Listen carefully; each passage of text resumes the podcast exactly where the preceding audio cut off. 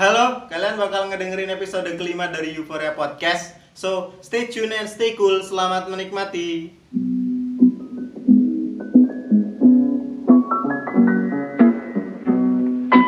Kali ini kita bakal ngangkat tema tentang eh, rasa terima kasih kami dulu bagi teman-teman yang mungkin banyak sekali membantu, mengkritik, membangun, eh, memberi masukan.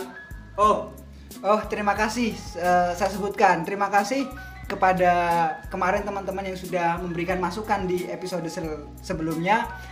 Terima kasih kepada Mas Agung Rizkyanto yang sudah memberikan saran dan masukan untuk membangun podcast ini dan terima kasih juga nih udah memberikan saran secara pribadi.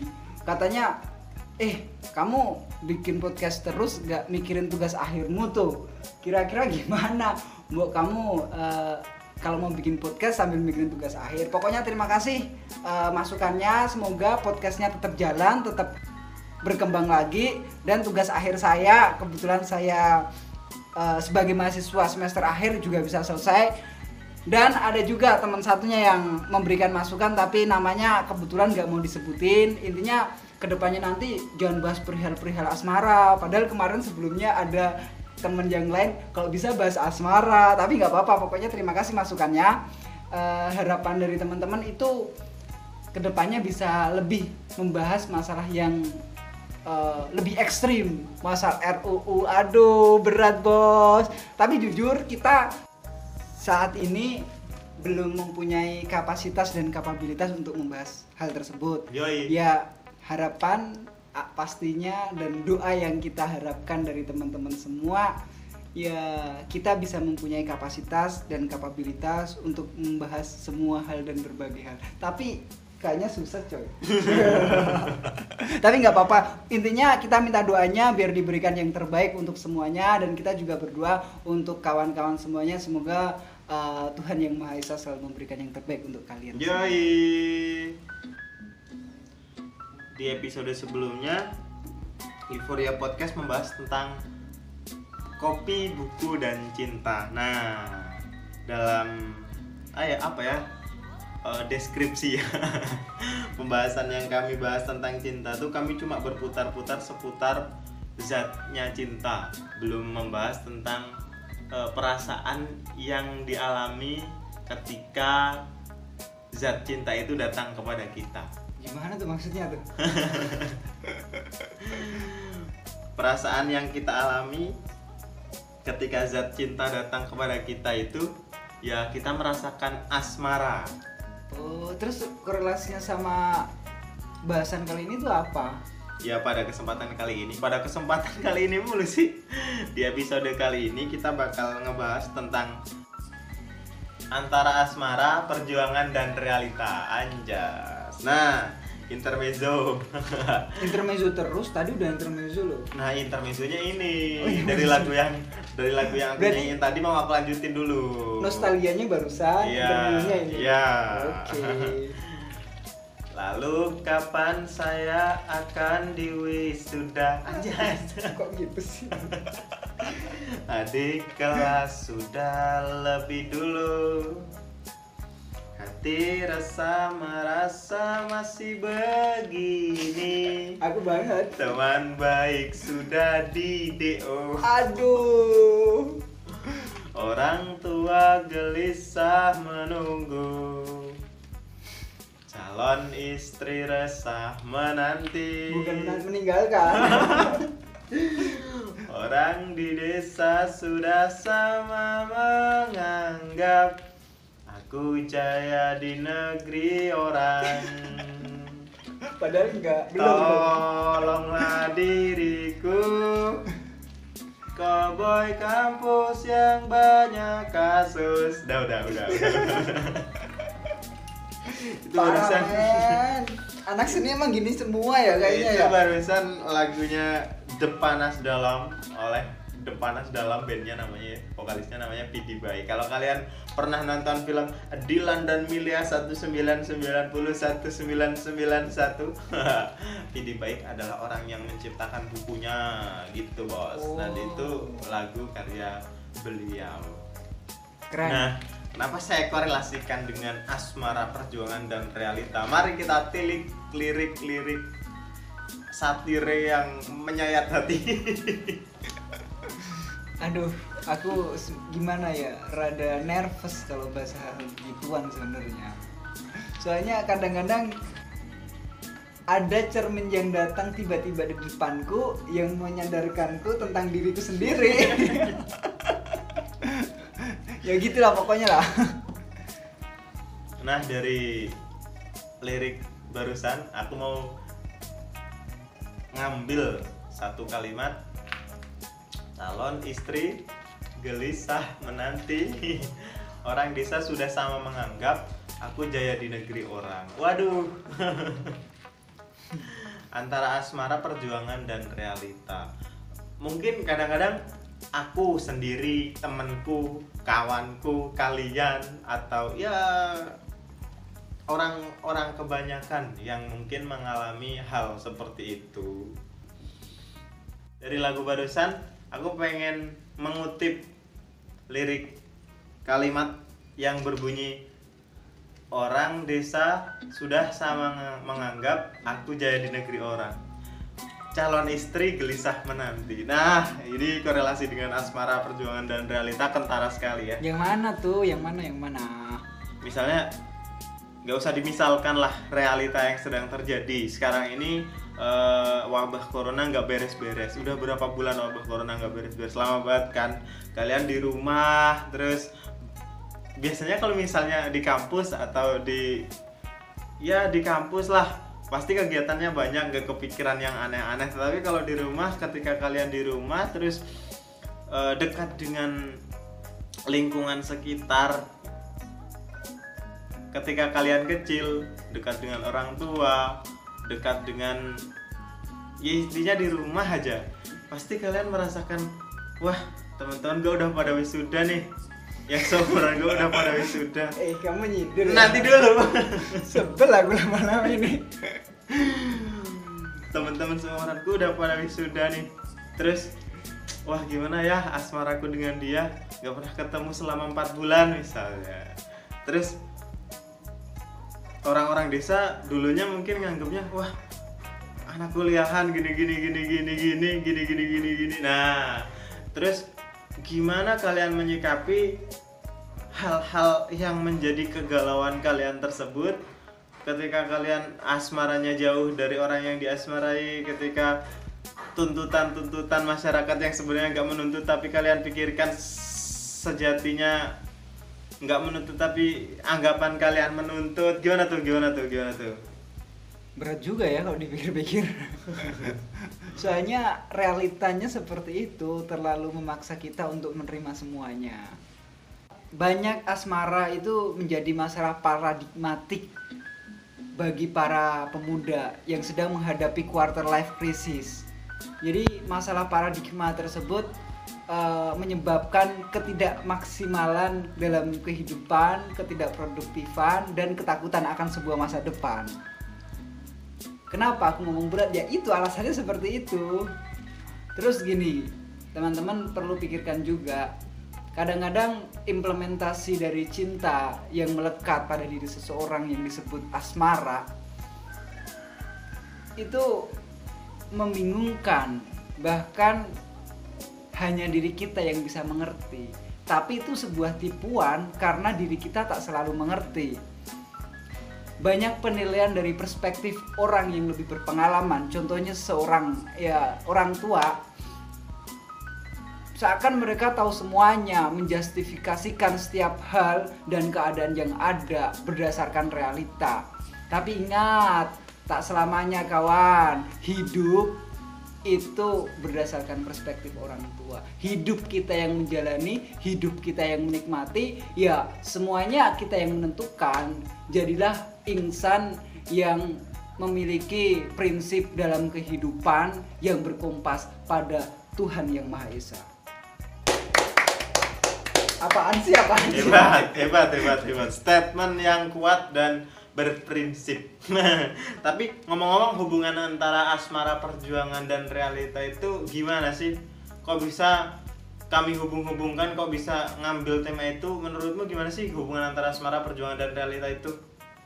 Kita bedah satu-satu kita rinciin dulu tuh asmaranya gimana perjuangannya gimana atau realitanya gimana. Terus atau kita ambil dengan cara langsung mengambil conclusionnya kesimpulannya gimana enaknya kamu aja lah. Ya kamu dulu aja, kamu dulu. ya aku ini copy paste dari statementmu loh berarti loh. Tadi Ya, kan udah apa. dijelasin di Ya. depan. Jadi cinta kan memang sebuah zat yang begitu istimewa. Eh, biasanya saya menggambarkan zat yang begitu megah. Jadi ada kemegahan tersendiri di dalam cinta ketika zat tersebut melekat pada diri seseorang itu namanya asmara. Dan nanti output dari asmara itu yang bisa menyebabkan eh, asmara tersebut itu bisa menyebabkan kita untuk berjuang tapi terkadang ekspektasi tak sesuai dengan tujuan. Ya nanti masuknya ke realita. Kalau korelasi konsepnya seperti itu. Kalau menurutmu gimana ya tuh? emang kayak gitu. Kan tadi Udah aku di depan aku di depan udah nyebutin juga kayak gitu. yo iyo Tapi eh, perihal perjuangan asmara kasus yang terjadi adalah ketika eh, perjuangan realita yang kita hadapi untuk memperjuangkan asmara itu tadi tersendat karena urusan pribadi atau alasan atau alibi-alibi yang disematkan untuk menutup- menutupi sebuah kebohongan. aduh men. Sering terjadi kasus-kasus kayak misalnya Siti. Siti. Nama Siti namanya jelek banget siapa ya? Sinta deh Sinta. Sinta mencintai Bowo. Kok Bowo sih jelek banget? Siapa ya?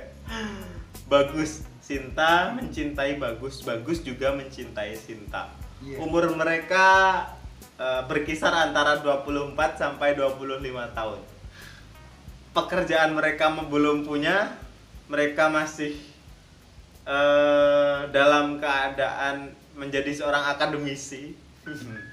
Tapi mereka saling mencintai, saling berbagi asmara dan realita yang terjadi adalah ketika umur mereka sudah menginjak umur segitu, orang tua biasanya ya nggak semua juga ya, tapi beberapa orang tua menuntut untuk mana kejelasannya. Lah, si siapa tadi namanya? Bagus karena sebagai seorang laki-laki yang harusnya dituntut untuk bertanggung jawab, bagus sebagai seorang laki-laki melakukan suatu tindakan atau membuka perkataan menyambung omongan orang tua si Sinta misalnya. Ya keadaan saya masih begini pak, keadaan saya masih begini bu. Saya sudah jelas-jelas mencintai anak ibu. Saya dengan anak ibu berbagi asmara, tapi lalu setelah kejadian itu mungkin dia berjuang sekuat tenaga untuk meyakinkan orang tua bahkan meyakinkan Sintanya. Tapi mungkin kadang-kadang kasus yang terjadi adalah orang tua lebih realistis memilih calon suami untuk anaknya dari kalangan yang lebih mapan dari kalangan yang lebih punya uang dan sudah kelihatan mempunyai aset-aset tertentu. Nah, dari itu bagaimana hal yang harus dilakukan Bagus dan Sinta termasuk juga orang tua Bagus dan Sinta menurutmu? menurutku hal yang harus dilakukan bagus dan Sinta ya kalau menurutku ya jalani aja seperti itu dan kalau dari ya kan simpel coy Ya. gue suka yang simpel simpel jalani aja. Soalnya kan eh, mereka sudah punya benih-benih cinta. Tinggal bagaimana mereka merawat dan mem- memupuknya agar terus tumbuh sehingga kekuatan cinta tersebut dapat menerjang segalanya.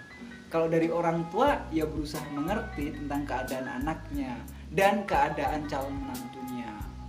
Karena pada dasarnya ketika memahami esensi sebuah cinta dan memahami begitu besarnya energi yang dihasilkan oleh cinta ingat tidak ada suatu hal yang akan tumbuh dan ada di dunia ini kecuali tanpa cinta Yuish. statementku seperti itu Iya, iya, iya. yes terus Lalu misalnya kalau misalnya kita korelasikan sama orang Oh iya, enggak enggak enggak, kritik dulu. Ini intermezzo dulu. Kemarin ada teman-teman yang bilang bahwasanya cerita tentang bumi manusia perihal asmara Mingke dengan Enelis kurang lengkap. Soalnya eh, bagian di mana Mingke sakit hati karena tahu yang sebenarnya perihal apa yang terjadi dengan Enelis dan Robert Surhoff. ada apa ada apa ada apa ini Ngomong-ngomong Robert Surhoff dengan Annelies sebelum Annelies menikah dengan Mimke sudah berhubungan kakak beradik yang tidak seharusnya dilakukan kakak beradik. Jadi Mimke merasa sakit hati. Bahkan dari itu eh, orang-orang sekitar lingkungan Mimke menganggap bahwa Mimke itu seorang laki-laki yang tidak mandiri, menggantungkan hidupnya pada keluarga kaya dari perempuannya. Padahal tidak sama sekali. Perspektif orang menilai orang itu kadang-kadang membuat apa ya? Seakan-akan merasa benar gitu. Padahal mereka tidak tahu realita yang terjadi. jadi memberikan perspektif berdasarkan penalarannya atau reasoningnya dan apa ya menjustifikasikan sesuatunya itu oh pernyataan ini pasti benar. Nah, bahkan mempropagandakan kepada orang lain. aduh kalau mungkin kalau pers- pers- persepsi aja gue masih bisa terima tuh. Tapi kalau sampai ada acara propaganda ke orang lain itu waduh udah penggiringan opini itu ada stigma yang kurang baik lah. Jangan sampai kayak jangan gitu sampai ya. seperti itu. Perihal realita yang terjadi kadang-kadang eh, manusia susah menerima mengeluh ya Tuhan kenapa saya harus melalui semua ini? Kadang-kadang manusia tuh tidak berpikir bahwasanya banyak sekali mungkin orang-orang yang mengalami suatu hal yang lebih buruk dibandingkan dia. Dia merasa dirinya paling menderita merasa dirinya paling eh, dipersalahkan merasa dirinya paling hina padahal enggak ya. Dia harus eh, berdamai dengan diri sendiri menerima kenyataan dan mampu membangun sesuatu hal yang ke depannya bakal dia alami dan dia jalani gitu. Kayak misalnya realita yang dihadapi Mingke pada cerita bumi manusia yang udah kami ceritakan di episode 2 Mingke ketika tahu kenyataan bahwa istrinya sudah pernah berhubungan intim dengan kakak kandungnya sendiri ya memang mungkin awal-awal dia kalau kayak kayak anak muda zaman sekarang mungkin galau, risau, bahkan benci dengan istrinya. Tapi lama kelamaan karena dia mampu berdamai dengan diri sendiri ya dia mampu menerima kenyataan dan bahkan mampu memperlakukan Enlis tetap dengan baik, mampu memperlakukan wanitanya, istrinya pada khususnya dengan baik dan penuh kasih sayang, penuh cinta kasih dan penuh asmara. yo keren juga ya sabar banget berarti sabar banget itu menghadapi kenyataan bahwa orang-orang menjudge dia jelek, menjudge Mingke seorang laki-laki yang tidak berdikari, dia mampu menunjukkan dan membuktikan dengan banyak hal. Misalnya kalau teman-teman pengen tahu ya udah nonton aja filmnya, kalau nggak baca aja bukunya biar lebih tahu dan bisa memahami menurut perspektif kalian masing-masing gitu. Yoi. Lah kalau misalnya teman-teman menurut teman-teman realita apa sih yang pernah kal- kalian alami dalam hal asmara, perjuangan dan realita yang kalian hadapi? Misalnya kayak misalnya kalian pernah eh, hubungannya nggak direstui sama orang tua atau beda agama. Nah, perjuangan apa yang pernah kalian alami ketika berpacaran dengan misalnya orang yang tidak direstui orang tua atau pacar yang eh, beda agama, LDR yang sangat jauh menurutku tuh ketika LDR kalian LDR long distance relationship yang long tuh beda keyakinan. Itu wih gimana ya eh, prinsip yang kita ambil ketika menyelesaikan masalah atau ketika menghadapi masalah tuh sangat berbeda loh. Saya salut kepada orang-orang yang mampu menjalani bahkan sampai menikah dengan orang yang berbeda agama dan memiliki keluarga yang harmonis. Tepuk tangan bagi mereka. keren juga Pada kenyataannya teman saya diem aja. enggak soalnya aku tuh tertarik dengan cerita apa perjuangan seorang Minke yang mau menerima dengan ketulusan hatinya dengan cintanya untuk menerima istrinya yang seperti itu karena kalau kita melihat eh, seorang laki tuh biasanya banyak menuntut. Tapi saya bisa simpulkan dengan cerita yang sudah kamu ceritakan barusan itu cinta yang dirasakan Min kepada istrinya itu cinta yang tulus karena pada dasarnya ketulusan cinta itu dapat mengalahkan segalanya. Kebencian eh, kedongkolan dalam hati kegalauan semuanya akan sirna dengan ketulusan cinta yang Ai ai ai ai. nah, ngomong-ngomong soal eh, asmara dan realita banyak terjadi sekarang kasus-kasus di mana seorang laki-laki merasa dirinya adalah yang seorang pemimpin. Ya pemimpin dalam keluarga atau dalam suatu hubungan dengan pacarnya merasa eh, dia adalah seorang pemimpin dan wanita adalah yang dipimpin.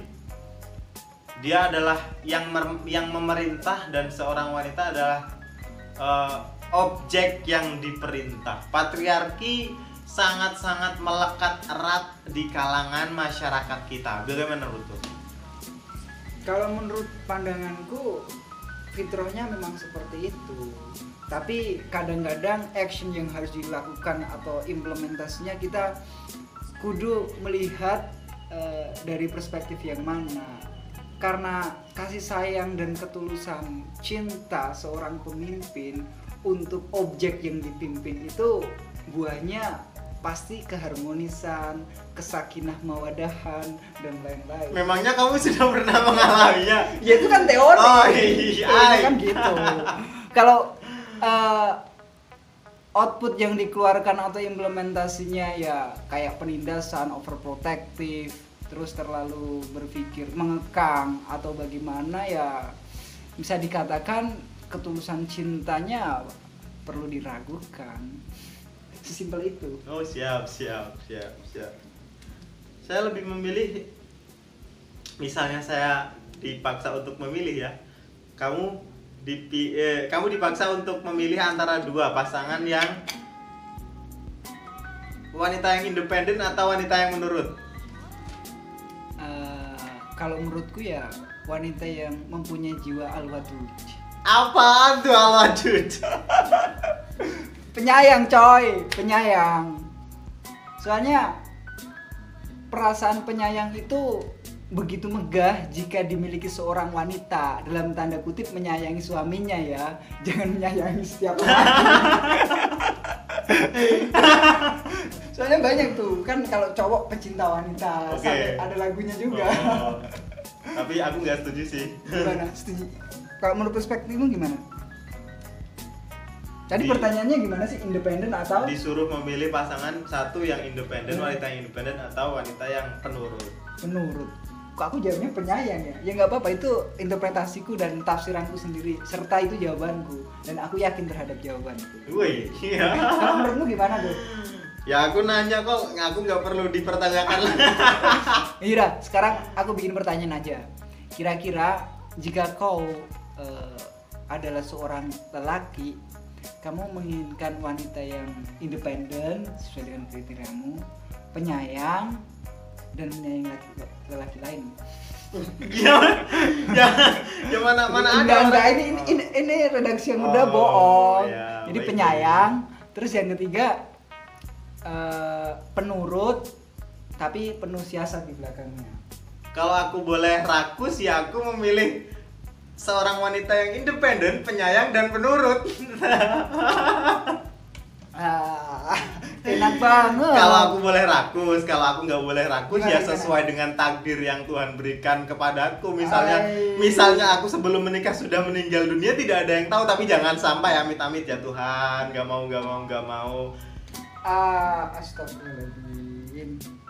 Nah, mungkin dari tiga hal itu ketika teman-teman atau kita sendiri juga mengalami hal antara asmara, perjuangan dan realita itu tadi tergantung perspektifnya. Teman-teman bisa menghadapi dengan berdamai dengan diri sendiri dulu.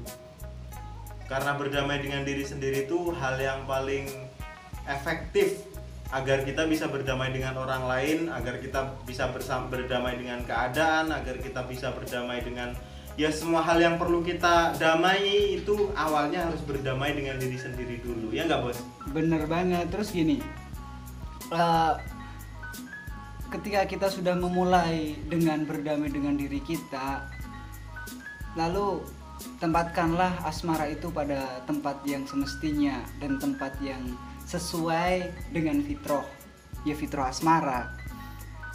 Lantas perjuangan itu akan kau lakukan berdasarkan alasan yang mendasari tentang asmara, penempatannya.